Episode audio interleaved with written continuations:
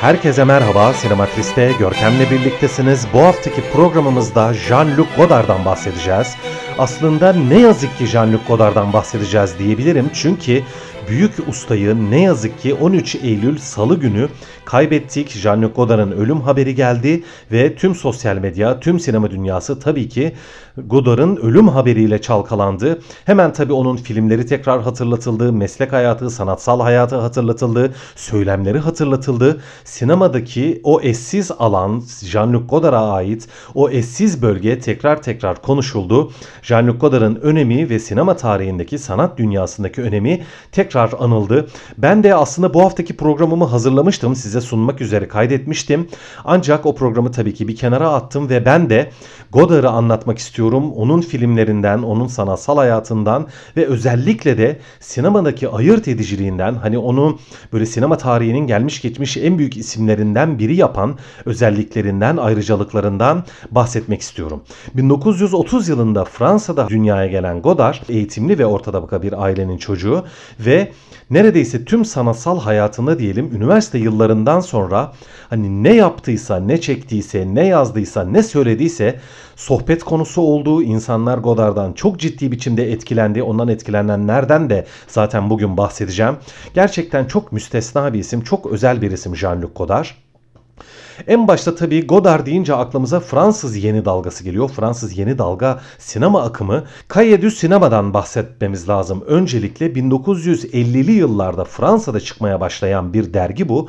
Ve bu derginin kurucusu ve en önemli ismi aslında yine sinema tarihinin en önemli sinema kuramcılarından bir tanesi olan André Bazin. André Bazin'le Godard üniversite yıllarında tanışıyorlar. Sinema üzerine çok entelektüel, böyle çok düşünsel, avantgard fikirler yürütmeye başlıyorlar ve André Bazin'in kurduğu du Sinema dergisinde Jean-Luc Godard yazılar yazmaya başlıyor. Aslında du Sinema'nın yazarları birçok önemli entelektüel yazar Amerikan sinemasına hayranlar. Özellikle Hitchcock'a çok hayranlar. Amerikan sinemasını inceliyorlar, eleştiriyorlar, onlar üzerine derin yazılar yazıyorlar. Fransız yeni dalgası akımı ve özellikle Godard aslında bu hayran olduğu Amerikan sinemasından çok farklı, çok sıra dışı hatta bir anlamda o sinemayı yıkmaya çalışan, onun tüm paradigmaları, tüm alışılmış taraflarının dışında üretimler yapmaya soyunmuş sinemacılardı ki ilginç değil mi? Hani o sinemayla besleniyorsunuz, o sinemaya hayransınız ancak onun tam dışında işler yapıyorsunuz, onun tam karşısında yer alıyorsunuz. İşte belki de gerçekten avantgard olmak, entelektüel olmak bu demektir. Godard'da beslendiği Amerikan sinemasının tam olarak karşısında durdu ve karşısında bir sinema yaptı.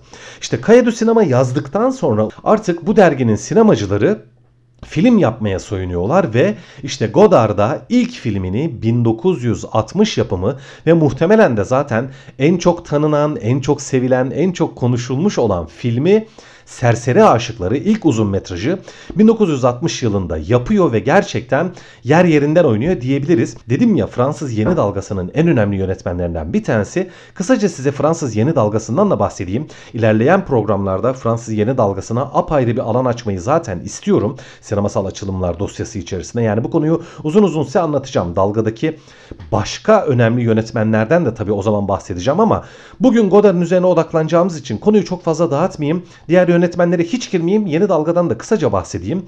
Kabaca Fransız yeni dalgası 1950'lerin ve 60'ların hani biraz politik olarak çöküntü içerisinde olan karmaşık ruh halinde o isyankar ve aynı zamanda eleştirel bir bakışa yaklaşıma sahip gençlerin hayatlarını ve hani ekonomik olarak kötü durumda olan ailelerini o ailelerin, o ailelerin çocuklarının karamsar ruh hallerini anlatan bir sinema akımıydı ve aynı zamanda Hollywood genel olarak zaten 30'lu yıllardan itibaren düş fabrikası yakıştırmasıyla anılan bir sinemaydı ki halkın içerisinde bulunduğu kötü sosyal, psikolojik, işte politik, eleştirel durumu anlatmaktansa daha çok halkı bir anlamda uyutan ve gerçeklerden uzaklaştıran bir sinema yapıyordu Amerikan sineması. İşte yeni dalga bir anlamda tam bu duruşun karşısında durup daha gerçekçi ve sokaktaki insanın karmaşık ruh halini görselleştirmeye çalışan bir sinemaydı Yeni Dalga. O anlamda Godard da zaten du Sinema'da yazdığı dönemlerden hem de Fransız Yeni Dalgası'nın bir temsilcisi olduğu dönemlerde söz konusu muhalif bakışını, eleştirel bakışını da sinemasına en yüksek seviyede yansıtmış yönetmenlerden bir tanesiydi. Peki şimdi hani bu yeni dalga dışında dedim ya çok önemli bir tarafı var Godard'ın. Çok kısaca size özetlemeye çalışayım. Şöyle ki dramatik yapı dediğimiz giriş, gelişme, sonuç yapısından oluşan ve Hollywood'un ta ilk günlerinden itibaren sarıldığı ve hatta bir anlamda icat ettiği diyelim bu anlatım yapısının sinema tarihinde karşısında duran yegane yönetmen Jean-Luc Godard'dır. Yani nasıl? Hemen bir örnek vereyim birbiriyle sevgili olan iki çiftimiz var. İşte serseri tipler zaten işte adı üzerinde serseri aşıklar. Bir ilişkilerini sürdürürken aynı zamanda işte soygunlar yapıyorlar, hırsızlık yapıyorlar ve sonunda işte başlarına bir şey geliyor. Şimdi ben size kabaca giriş, gelişme, sonuç içeren bir öykü anlattım. Ve bu aslında zaten Hollywood'un yapacağı bir filmin kabaca özeti diyebiliriz biz bunun için. Size anlattığım bu kısa öykü için. İşte Jean-Luc Godard bize böyle bir öykü anlatıyor. Ancak filmin ilerleyişi hiç de işte şöyle bunlar tanıştı, şunu yaptılar ve sonunda da bu oldu gibi giriş gelişme sonuç yapısını içermiyor. Film birçok anında anlattığı ana öyküyü bir kenara bırakıp o gençlerin ilişkilerine, sohbetlerine, birbirleriyle olan yakınlıklarına ya da o gençlerin farklı farklı konulardaki fikirlerine, tartışmalarına, bir anlamda karakterlerinin düşünce dünyalarına ve hayata bakışlarına kocaman bir pencere açarak öyküsünü bir kenara atıp karakterlerini daha fazla merkeze alıyor ve bu şekilde dediğim gibi Hollywood'un o sarıldığı öykü anlatma sinemasını da tam olarak karşısına alıp bir öykü anlatmadan bize karakterlerini ve onların ruh hallerini ve onların hayata bakışlarını anlatmış oluyor. Godard neredeyse kariyerinin başlangıcında diyeyim ya da ara ara hani birçok filminde tam olarak böyle bir yapı sundu bize o Hollywood'un öykü anlatma yapısının tam olarak dışında olduğu halde bize çok değerli karakterler aynı zamanda tabii ki hani öyküyü bir kenara atıyor olsa da Aynı zamanda öyküler de tabii ki anlattı. Sadece bunu bizim alıştığımız dramatik yapıya hiçbir şekilde yaslanmadan bunun dışında durarak anlattı ve kendisine özel bir alan açarak çok ciddi biçimde sinemayı etkiledi. Şimdi Godard ilerleyen yıllarda tabii çok fazla film yaptı. Gerçekten çok üretken bir sinemacı. Yüzden fazla filmi var. Kısa filmler yaptı, belgeseller yaptı, televizyon için bir şeyler yaptı. Hani durmadan çalıştı diyebiliriz. Çok fazla filmi olduğu için hani filmlerinin hemen hepsini izledim diyemeyeceğim. Çoğunlukla başlıca filmlerini izliyoruz hani onu tanıyabilmek için. Bana göre Jean-Luc Godard'ın en iyi filmi Çılgın Piero adıyla bildiğimiz Piero de Flo filmi 1965 yapımı. Gerçekten nefis bir film. Harika karakterler, harika bir öykü, harika bir görsellik, çok özgün ve özgür bir ruh. Yani hani filmi nasıl ansam, nasıl anlatsam, nasıl övsem bilemiyorum ama Gerçekten çok iyi bir filmdir ve hani Godard'ı tanımak istiyorsanız nasıl bir sinemacıdır diye onun bir filmine göz atayım istiyorsanız hani birçok sinema yazarı aslında size ilk ve hani belki de en önemli filmlerinden biri olan Serseri Aşıkları önerecektir. Ancak ben Pierre de Filio'yu öneriyorum. Birçok yine sinema yazarına göre aslında Alphaville en önemli, en değerli filmlerinden bir tanesi. Olabilir hani gerçekten çok önemli birçok filmi var yönetmenin ancak ben dediğim gibi Çılgın Pierre'yi size öneriyorum. İlerleyen yıllarda Jean-Luc Godard o politik, o muhalif ruh hani genel geçer paradigmalara, kabullere karşı olan ruhu sürekli devam etti. Çok da önemli söylemleri vardır hem sinema ile ilgili hem hani politik dünya ile ilgili, siyasetle ilgili yani yaptıkları filmleri, söylemleri çok önemlidir ama bence Godard deyince en önemli şey gerçekten bu Hollywood'un hani sıkı sıkıya bağlı olduğu o dramatik yapıyı o giriş gelişme sonuç yapısına bağlı olmadan onun karşısında durarak film yapabilmiş olması hani ya birçok sinemacıya göre hani birçok sinema yazarına göre falan bu kaçınılmaz bir şey aslında. Dramatik yapı olmadan insanlara film izlettiremezsiniz. Filminde olan gerçekten çok geniş bir kitle var. Ancak bunun karşısında durabilmiş olması bence Godard'ı en önemli sinema kişiliklerinden bir tanesi yapmaya yetiyor diyeyim. Jean-Luc Godard filmi izlerken gerçekten filmin bazı anlarında öyküyü unutursunuz. Hani o karakterleri Jean-Luc Godard'ın odaklanmak istediği başka başka şeylere siz de odaklanırsınız. Tabi ister istemez bunu yaparsınız. Ve sonra hani yönetmen öyküye tekrar geri döner. Hatta bazen geri dönmez bile.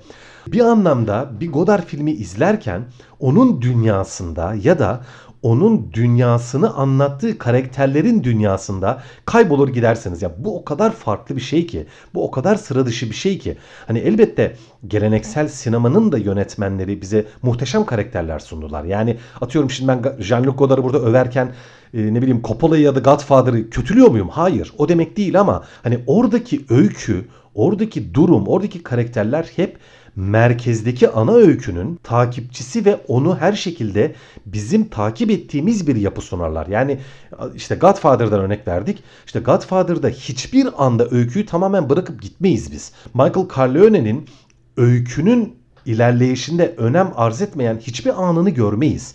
Ee, Michael Corleone futbol seviyor mu? Atıyorum. Hangi yemekleri seviyor? Avrupa sineması hakkında ne düşünüyor? Uzak Doğu hakkında ne düşünüyor? Hiçbir şekilde bilmeyiz. Bizi bunları göstermez Coppola. Çünkü onun sinemasında bunların önemi yoktur. Öykü akar, öykü devam eder. Öykü Michael Corleone'yi ne kadar etkiliyorsa ya da Michael Corleone öyküyü ne kadar etkiliyorsa tamamen bunları izleriz biz. Evet bu, bu da çok önemli bir şey. Bu da çok güzel bir şey. Ancak bunun dışında durabilmek gerçekten çok zor bir iş. Bunun dışında durabilen çok çok az yönetmen var. O anlamda Godard hem bunun öncüsü olarak hem de bunun dışında durabilmiş bir yönetmen olarak çok önemli ve çok değerli. Godard'dan bahsederken özellikle bir sinemacıdan daha bahsedeceğim ki zaten şimdi Godard'ın yaptığının ne kadar hani büyük ve çarpıcı bir şey olduğunu tekrar size fark ettirmiş olacağım umuyorum diyeyim. Quentin Tarantino. Quentin Tarantino kariyerinin en başından itibaren Jean-Luc Godard'a çok hayran olduğunu birçok kez söylemiştir. Tarantino'nun en iyi filmi hangisidir? Aslında ucuz romandır değil mi? Ucuz roman deyince de aklımıza en çok ne gelir? İşte filmin başında John Travolta ile Samuel Jackson'ın hani birini öldürmeye giderken ki o arabadaki muhabbetleri. İşte John Travolta işte Belçika'ya gitmiş değil mi? Belçika mıydı? Hollanda mıydı? Belçika'ydı galiba. İşte Belçika'ya gitmiş. Orada işte e, biraları plastik bardakta vermiyorlarmış da işte cam bardakta veriyorlarmış. Ne güzel. Orada işte kızarmış patatesi neyle yiyorlarmış biliyor musunuz? Mayonezle. Uf olur mu ya falan. Şimdi o arabanın içinde bir muhabbet vardı ya. İşte aslında Tarantino'nun bunu yapmaktaki motivasyonu Godard. Orada nasıl Tarantino öyküyü bırakıp yani orada iki tane kiralık katil birini öldürmeye gidiyor. Normalde Hollywood sinemasında ne olur? Oraya giderler, onu öldürürler ve öykü devam eder.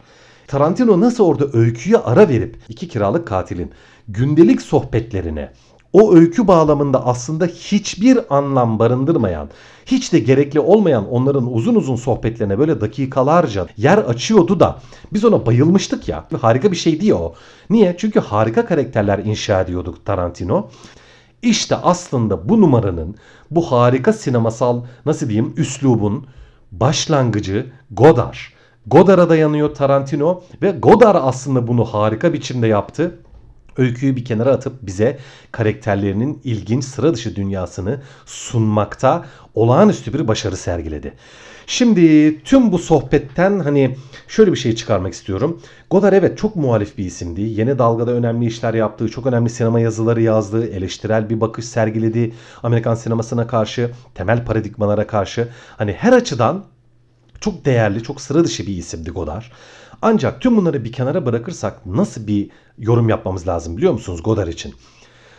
Ee, filozof ruhlu bir sinemacı. Hani sürekli üzerinde gezindiği alanın, o adım attığı yolun düşünce dünyasından çıkıyor olması bir anlamda bir filozofun zihninden çıkanlar gibi karşımıza geldi. Hep o hani o yapı hep Godard'ın ürettiklerinde oldu. Hani oturup ben işte hani sinema yapacağım derken adam bir anlamda yıkmaya, bir anlamda değiştirmeye, dönüştürmeye, bambaşka bir hale getirmeye çalışmıştı. Çok önemli avantgard entelektüel İngiliz yönetmen Peter Greenaway şöyle bir yorum yapar Godard için. Sinemayı Eisenstein var etti Wells mükemmelleştirdi ve Godard'ı öldürdü der. Bakınız bu çok büyük bir iddia, çok ilginç bir iddia aslında. Greenaway de gerçekten çok sıra dışı, çok önemli bir isimdir. Onun Godard üzerine yorumu daha da önemli. Sinemayı öldürmüştür. Ne demek öldürmüştür? Aslında şunu kastediyor Greenaway. Godard'ın yaptığından sonra sinemada yeni hiçbir şey yapılmadı sinemanın sonunu temsil ettiğini düşünüyor e, Greenaway Godard'ın. Tabi herkes bu fikirde olmayabilir ama buradayken de hani kastettiği şey şu ki sinemayı Eisenstein dramatik kurgu, hani çarpıcı kurgu gibi uygulamalarla var etmişti. Yurttaş Kane ile Orson Welles gerçekten mükemmel bir sinema yapmıştı. Hani teknik olarak, anlatım olarak, işte estetik olarak her açıdan hani hangi açıdan bakarsanız bakın mükemmelleştirmişti. Ve en sonunda da Godard artık sinemanın o güne kadar inşa ettiklerine hiçbir şekilde sarılmadan ve onları uygulamadan, onlara yaslanmadan bambaşka bir sinema yapılabileceğini bize ispatlamıştı. Greenaway'in kastettiğim budur. İşte ondan sonra da hani Greenaway der ki yeni bir şey yapılmadı. Artık eskiden her ne yapıldıysa onun hani devamı yapılıyor. Ona benzer şeyler yapılıyor anlamında Godard'ı kutsamıştır ve övmüştür bize. Ve belki de haklıdır. Gerçekten Godard'ın sinemaya kattığı şey o güne kadar sinemanın icat ettiklerine yaslanmadan, onlara dayanmadan bir şeyler yapılabileceğini göstermiş olmasıdır. O anlamda da eğer hani geniş kitleler tabii Godard'ın sadece adını duymuştur. Çünkü hani bir Godard filmini izlemek çok zordur. O söz konusu karşısında durduğu dediğim o dramatik yapı, o öykü anlatma sineması, sinemayı bir anlamda hani filmleri izlenebilir kılan şeydir. En azından bir filmini, en azından bir filmini Serseri Aşıklar olsun veya dediğim gibi hani Çılgın Pierre olsun hani bir filmini izlemeye en azından çalışmanızı tavsiye ediyorum. Eğer izlemediyseniz diyorum.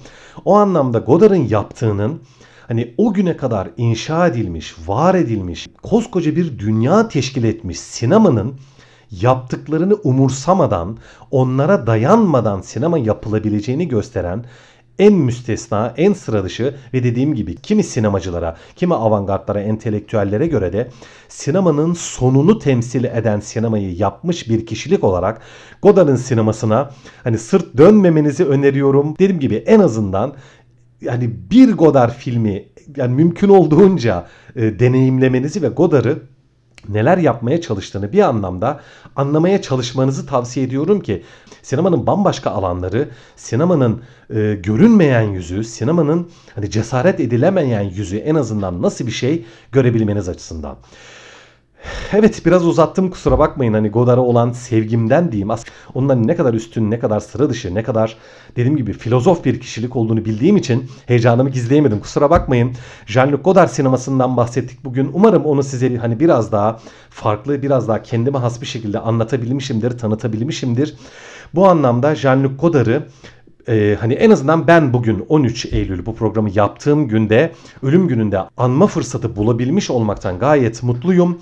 Bugünlük bu kadar diyorum. Jean-Luc Godard'ı saygıyla ve sevgiyle anıyoruz ve tabii ki onu asla unutmayacağız. Onun filmlerini, onun tüm o hani tüm sinema dünyasına, sanat dünyasına bıraktığı değerli mirası yaşatmaya devam edeceğiz diyorum. Evet bu haftalık bu kadar. Önümüzdeki hafta tekrar görüşmek üzere. Teşekkürler.